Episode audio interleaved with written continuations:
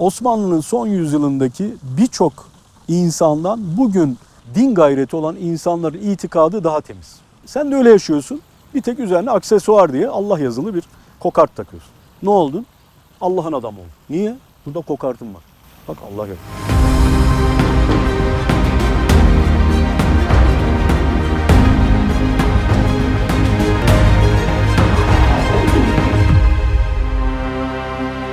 Savaş abicim hoş geldiniz. Hoş bulduk.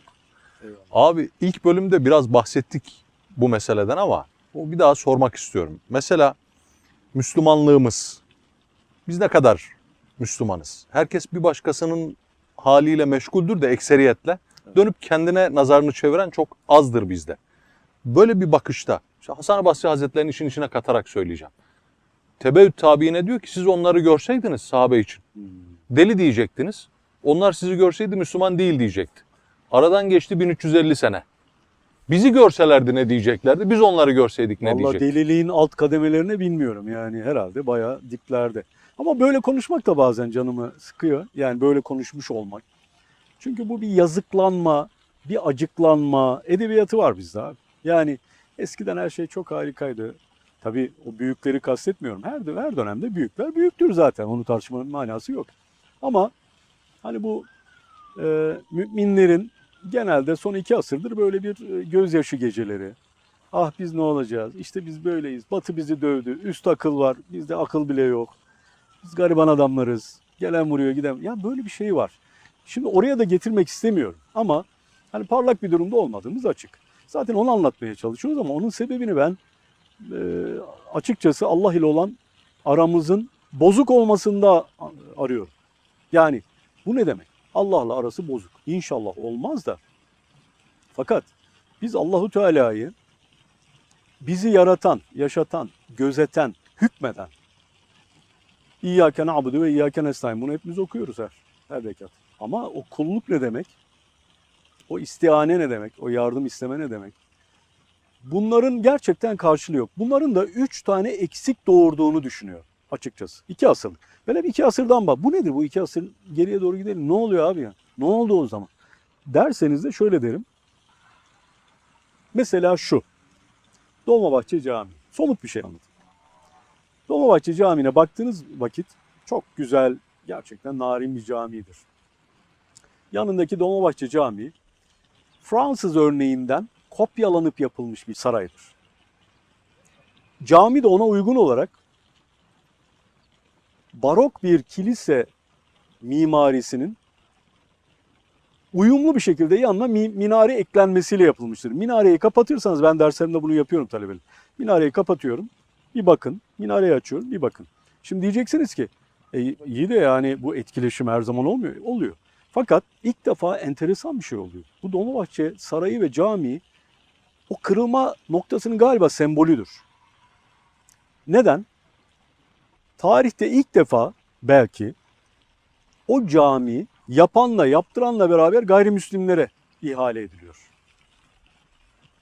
Yani diyeceksiniz ki Süleymaniye Camii'nde gayrimüslimler çalışmadı mı? Tabii ki. İşçilerin yarıya yakını e, gayrimüslimdir. Taş ustaları, marangoz ustaları, Rum var, Ermenisi var. İsimli isim isim var. Yemiyeleri yazılı. Kayıt edilmiş yani. Eyvallah. Ama bir caminin mimarı kafir olmaz. Gayrimüslim olmaz. Yani işin başındaki Müslüman olur. Şimdi bu ilk defa orada terk edilmiş ve şöyle bir mantık. Cami de bir binadır. Dört duvarı var. Bir çatısı var. İster kubbe yap, ister düz yap fark etmiyor. E, o da bina işte canım. Ha, işte buraya geldiğin anda bu bir, bir tane örneğini söylüyor. Buraya geldiğin anda senin referansların bozuldu demek. Yani Allahu Teala merkez olmaktan, asıl olmaktan, mebde ve münteha olmaktan, başlangıcımız ve bitimimiz olmaktan sanki biraz daha bizim tarafımızdan o konuda bir gaflet oluştuğunu görüyoruz. Şimdi ondan sonra katmerlenerek geliyor. Öyle bir yere doğru geliyor ki Namık Kemal hiç sevmem kusura bakmayın. Özellikle bizim yakın tarihte adam olmayan çoktur yani. Neyse. Ee, Namık Kemal ama şunu da yapmıştır. Yani o Namık Kemal dediğin adam bile bu kadar zayıf aslında karakterli bir adam. Nereden biliyorsun tanıdın mı babacığım derseniz oğlunun hatıraları var. Ali Ekrem Bolayır'ın hatıralarını okuyun. Ben hatıralardan söylüyorum canım. Nereden bileyim? Bir de eserlerindeki yaklaşımını biliyorum yani.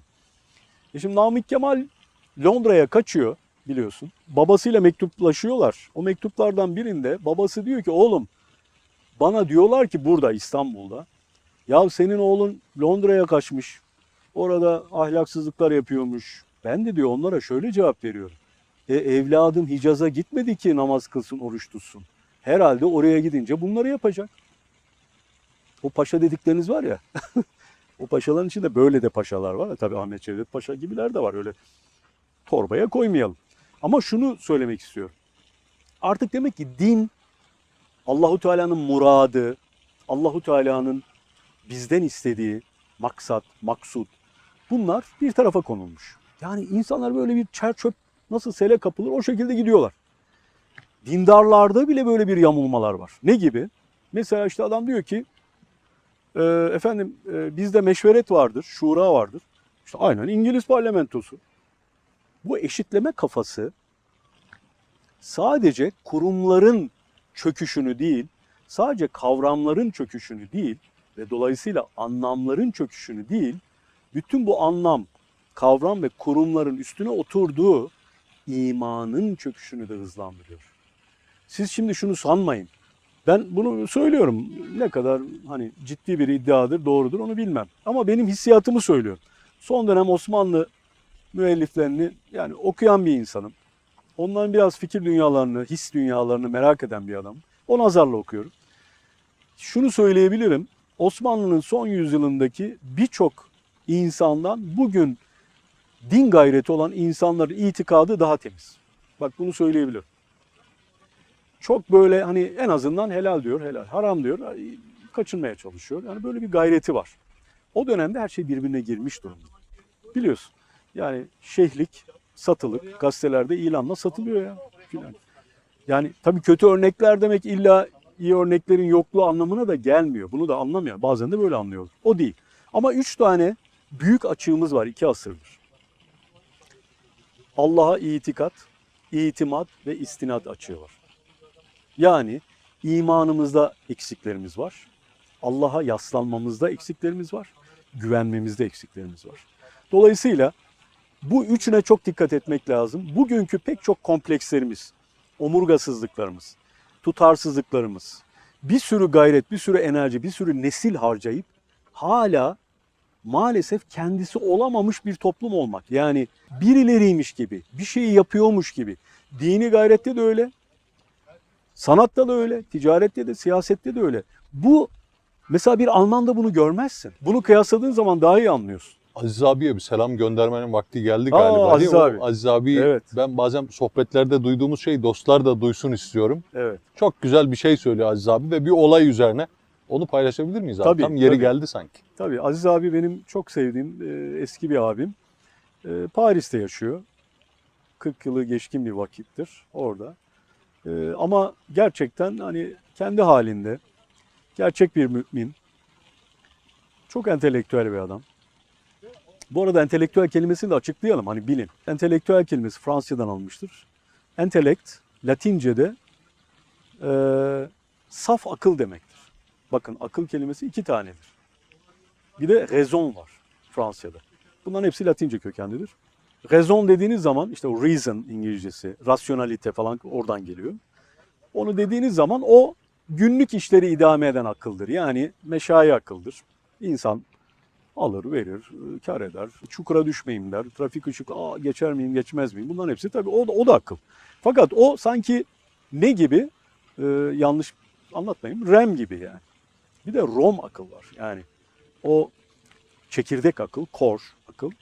Ona entelekte, entelekt denir. Hakikatle ilgili yüce hakikat, yüce ilkeler, insanın gördüğü, gözlemlediği şeylerin ötesindeki şeyleri kavramasına yarayan akıla da entelekt denir. Şimdi entelektüel kelimesi tabii 1800'lerin sonunda icat edilmiş Batı'da. Neyi ayırt etmek için etmişler? Çünkü bir ruhbanlar var. Onlar da okuyup yazıyor. Kilise literatürü var. Dindar e, e, düşünürlerin durumu var. Bir de e, ya biz o kadar yani dindar değiliz. E, pek de karıştırmayın o konular. Yani biz baktığımızı anlatalım canım. Yani Boş verin siz ya biz dünyada yaşıyoruz diyen insanlar var. Onlar işte kendilerine entelektüel demişler. Şimdi bizde münevver kelimesi kullanılıyor. Bakın işte Osmanlı tercüme edince de böyle ediyor. Şapka çıkaracaksınız. Osmanlı ciddi bir toplum. Bakın yıkılışında bile ciddi bir toplum. Şimdi dolayısıyla entelektüel kavramı bu. Aziz abi öyle bir entelektüel değil yalnız. Aziz abi gerçekten irfan üzerine olan bir adam. Münevveri atlamayalım Ha, ama. münevver de dedin abi. Aydınlanmış demek. Biz şimdi aydın diyoruz ama aydınlanmış demek asıl münevver. O da biliyorsun Ziya Gökalp derler. Ee, bu tercümeyi yapan Ziya Gökalp'miş ilk defa. Fransızca entelektüel kelimesini oradan tercüme etmiş. Birebir e, sayılır. Çünkü o bahsettiğimiz entelekt denen akıl yani çekirdek akıl aydınlatan bir şeydir. Ee, onunla uyumlu bir şey yapmış. Ama yine de şunu unutmayalım. Alimden münevveri ayırt etmemiz zaten bugünkü düştüğümüz çukurun temelidir. Bana hep söylerler. Hocam işte siz de şu konuda bir şey deyin. Ben diyorum ki ben ben o konuyu bilmem. Dini konuda bir şey. Ben bilmiyorum ki. Ya olur mu? Estağfurullah hocam yani okumuş bilmez olur musun? Kardeşim bilmiyorum ben. Ben dinimize göre cahilim. Alime git sor. Ben de alime soruyorum zaten.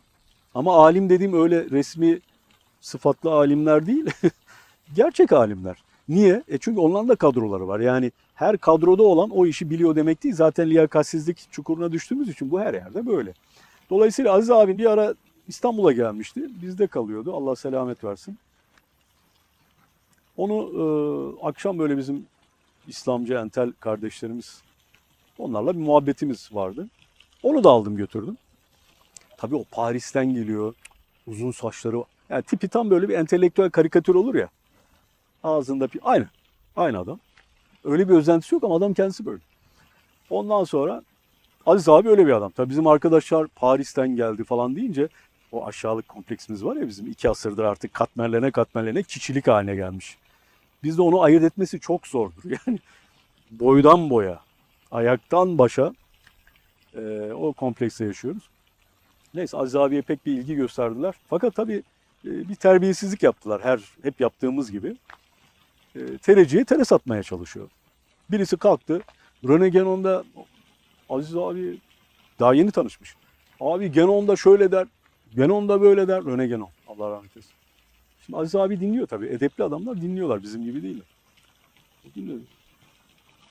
Sonra çok kibarca dedi ki Aziz kardeşim dedi Rene Genon onun tam zıttını söylüyor galiba. Adam yani nasıl abi yani olur mu abi öyle falan. Ee, tabii o Fransızcasından bütün külliyatı yuttuğu için ben biliyorum o bilmiyor gariban. Onu bir güzel oturtturdu. Ama tabii arkadaşlar gene coştular. Bu sefer Heidegger bahsine geçtiler. Şimdi Paris'ten geldiği için ona entellik satmak zorundalar. Öyle sanıyorlar. Halbuki adam öyle bir şey konuşmuyor ya. Oraya muhabbete gelmiş. Ara açayım abi. Biz niye böyleyiz? Mesela Cem Yılmaz'ı görüyor adam havaalanında. Cem Yılmaz'a fıkra anlatmaya çalışıyor. ya da mesela ben karşılaşırım. Ya geçen şöyle bir şey anlatmıştın ya diye başlayıp bana anlattığım şeyi Evet, baştan evet. sona anlatır. Ve nezaketen susarım 5 dakika. Bulunca Cem Evet. Yılmaz'ı bulduysan gül. İşte Evet, Aziz abiyi bulduysan dinle. evet. Ya da mesela gideriz bazen çok sevdiğimiz hocalarımıza belediyeye. Belediye başkanı döktüğü asfaltları anlatır. Saadettin Ökten Hoca'ya mesela. Aynen. O Bu sus dinle. Biz niye böyleyiz? Yani saçını kaçırsın, başını kaçırsın anlamaz. Hala anlatır. Şimdi abi insanoğlunun tabii bir e, onaylanma duygusu var, eksiği var. Genelde öyle. İlgi çekme. Hani e, beni de tanı, beni de sev. O bahis var. Ben iyi, iyi yerden bakarım. Yani insanlar bir ilişki kurmak isterler. Bir e, hani senin sevmeni isterler. Çünkü seni bir şey sanıyor. Meşhur olanları bir şey sanıyorlar. Üstüne alınma. Ama öyle yani. O, o da insan canım senin gibi. Ee, bu bizim arkadaşlar da başladılar bu sefer Heidegger bahsine. Burada gol yiyince ama adam şey yapmadı Allah için. Ukalalık yapmaz zaten. Bilmediği bir şey söylemez. Ahlak işte. Bilmediği konuda dinler. Hiçbir şey söylemez. Bizimkiler bu sefer o bahise de girdiler. Şimdi Aziz abi muhabbete gelmiş bir adam. Bu entel gargarayla bu adamın kafası benim de tabii. Ben hadi neyse gırgıra falan alıyorum. Ortalığı kaynatıyorum falan ama Aziz abi gariban orada kala kaldı. Çıktık abi oradan 2-3 saat sonra. Bizim eve doğru dönüyoruz. Arabada Aziz abi çok üzgün. Dedi Savaşçım dedi ben dedi bugün çok üzüldüm ya dedi. Niye abi ne oldu falan. Ya dedi görmedin mi o gençleri dedi. Ben şunu anladım abi dedi. Bu memlekette Müslümanlar Müslümanlıktan bıkmış. Niye abi ya ne demek istedin dedim. Ya dedi kendine faydası olmayan kendini kurtaramamış. Heidegger'i dedi bir rehber gibi bahis olarak edebilirsin. Okuyabilirsin de tartışabilirsin de. Fakat dünya ondan ibaretmiş gibi. Hakikat, hakikat arıyoruz. Hakikat Allah'tır dedi ya. Hakikati nerede arıyorsun ya? Adam arıyorum demiş zaten çöpe gitmiş. Ee, imana kavuşamadan çekmiş gitmiş dedi ya. O mu senin önderin olacak? O mu senin örneğin olacak? Müslümanlık niye yetmiyor abi bize. Ama bu manada diyor. Gene gençler o cehalet şeylerini yapmayalım, itirazlarını. Ee, mümin dünyaya açık adamdır. Çünkü sağlam adam. Mesela böyle bir mümini götür, Eskimoların arasına koy, Amerika'nın ortasına koy, Çin'in ortasına koy. Ne olur ki o adama? Işıldar sadece. Leyla'yı götürüp Londra'nın ortasına bıraksam bir bülbül gibi yaşamasını değiştirmez çocuktur. Sezai Karakoç. Maşallah. Aynen öyle. Şimdi bu Allah'a itimat etmemek. Hani e, ya itimat edeceğiz ama yani orada da biraz boşluklar var. Mesela güç algımız. Bizim güç algımız niye böyle üç kağıda daha çok dönük? Günlük hayatta da öyle. Çünkü bilgi de güçtür. Yani bir insanın okuması güçtür, diploması güçtür, mesleği güçtür. Bu illa hani güç dediğimiz e, top, tüfek, efendim e, hükümetler o, o anlamda değil. Güç her şeydir. Söylem gücü vardır. İyi konuşan birisinin gücü gücü var demektir. Bunların hepsini kastediyorum. Yani biz bunlarla niye abi Allah'a yarar, Allah'a uyar bir halde değiliz ya? E çünkü Allah'ı merkez ittihaz etmiyorsun. Allah'ı merkez ittihaz edince Resulullah'ı ittihaz edersin. Resulullah'ı ittihaz ettiğin vakit sünnet senin ölçün olur. He, sünnet pahalı. Sünnet uymak pahalı. En güzeli herkes nasıl yapıyorsa bu geçici dünyaya sanki hiç bitmeyecekmiş gibi kul köle olan kafirler, batılılar, doğullar. Batı doğuyu da çok sevmiyorum da neyse. Galat olmuş. Yani mümin olmayanlar öyle diyelim. Nasıl yaşıyorsa sen de öyle yaşıyorsun. Bir tek üzerine aksesuar diye Allah yazılı bir kokart takıyorsun. Ne oldun? Allah'ın adamı oldun. Niye? Burada kokartın var. Bak Allah yazıyor. Gibi. E şimdi o zaman ne oluyor? Din bir aksesuar haline geliyor. Dikkat edin. Bir süre sonra o aksesuar olsa da olur ama başka bir aksesuar buluyorsun. Deizme neden kayılıyor? Bundan kayılıyor kardeş. Yani sen Allah'ı varlık olarak senin aslın, özün ve gideceğin menzil olarak her anında, her işindeki sünnetin tanımı bu. Yaşamadıkça, her işine böyle bakmadıkça e zaten bir süre sonra Allahu Teala haşa ve kellah senin dünyanda bir teferruat oluyor, bir bahis konusu, bir mevzu bahis oluyor. Mevzu mesafe demektir. O yüzden eski insanlar çok böyle dini e, ibarelerle konuşmazlar. Niye? E, adam zaten içinde. Yani niye anlatayım ki ben yani şimdi sen bir balıkçıya git denizi sor. Abi deniz nasıl bir şey abi ya? Ona bir tarif etse. Bir şiirini yazsana abi. Adam der çek git kardeşim Allah Allah. Lan denizde işte balık tutuyoruz yani. O adam zaten denizi iç içe olduğu için niye her gün denizden bahsetsin? Ya da iki balıkçı denizdeyken niye denizi konuşsun E, aynen. orada? E şimdi mümin mümine İslam anlatıyor. Düşünün. Mümin mümine imanın ne kadar kıymetli olduğunu ben ikna etmeye çalışıyorum. Bütün hayatım böyle geçti. Ya arkadaş o tapındığınız, o peşinden koştuğunuz İsmet Özer'in deyimiyle Rab diye bellediğiniz tuğlalar, o tutunduğunuz tuğlalar var ya. Diyor ya. e, yani onlarda bir halt yok. Bakın ben o batıyı biliyorum. Okudum siyasetini, tarihini, şiirini, edebiyatını, müziğini. Bunu ama şunun için söylemiyorum. Hiçbir kıymet yok. Kıymet var da o kıymet mümine ait. Hikmet, hikmete sahip olana aittir. Kırmızı renk, kırmızı rengi görebilene aittir. Renk körüne sen kırmızıyı anlattıramazsın. E şimdi sen Allahu Teala bütün bu alemin renklerini tanıtmış. Sen diyorsun ki yo ben illa şu renge bakıyorum. Diğer renkler böyle bir şey yok. Dolayısıyla müminlerin Allah'a itimat etmemeleri kendilerine ve diğer insanlara da etmemelerini doğuruyor. Ve sünnete uymamaları yani sünneti bir ölçü olarak görmemeleri. Onları hayatta güya özgürleştiriyor ama e, maalesef yıkıma doğru, kişiliksizliğe doğru, omurgasızlığa doğru götürüyor. Evet çok zengin oluyor, evet çok güçlü oluyor, evet hükmünü yürütüyor. E, şu anda onu görüyoruz. Eskiden biz bir gazetemiz çık olur muydu? Bir televizyon kanalı olabilir mi? Allah diyen bir adam bir yerde bulunur mu?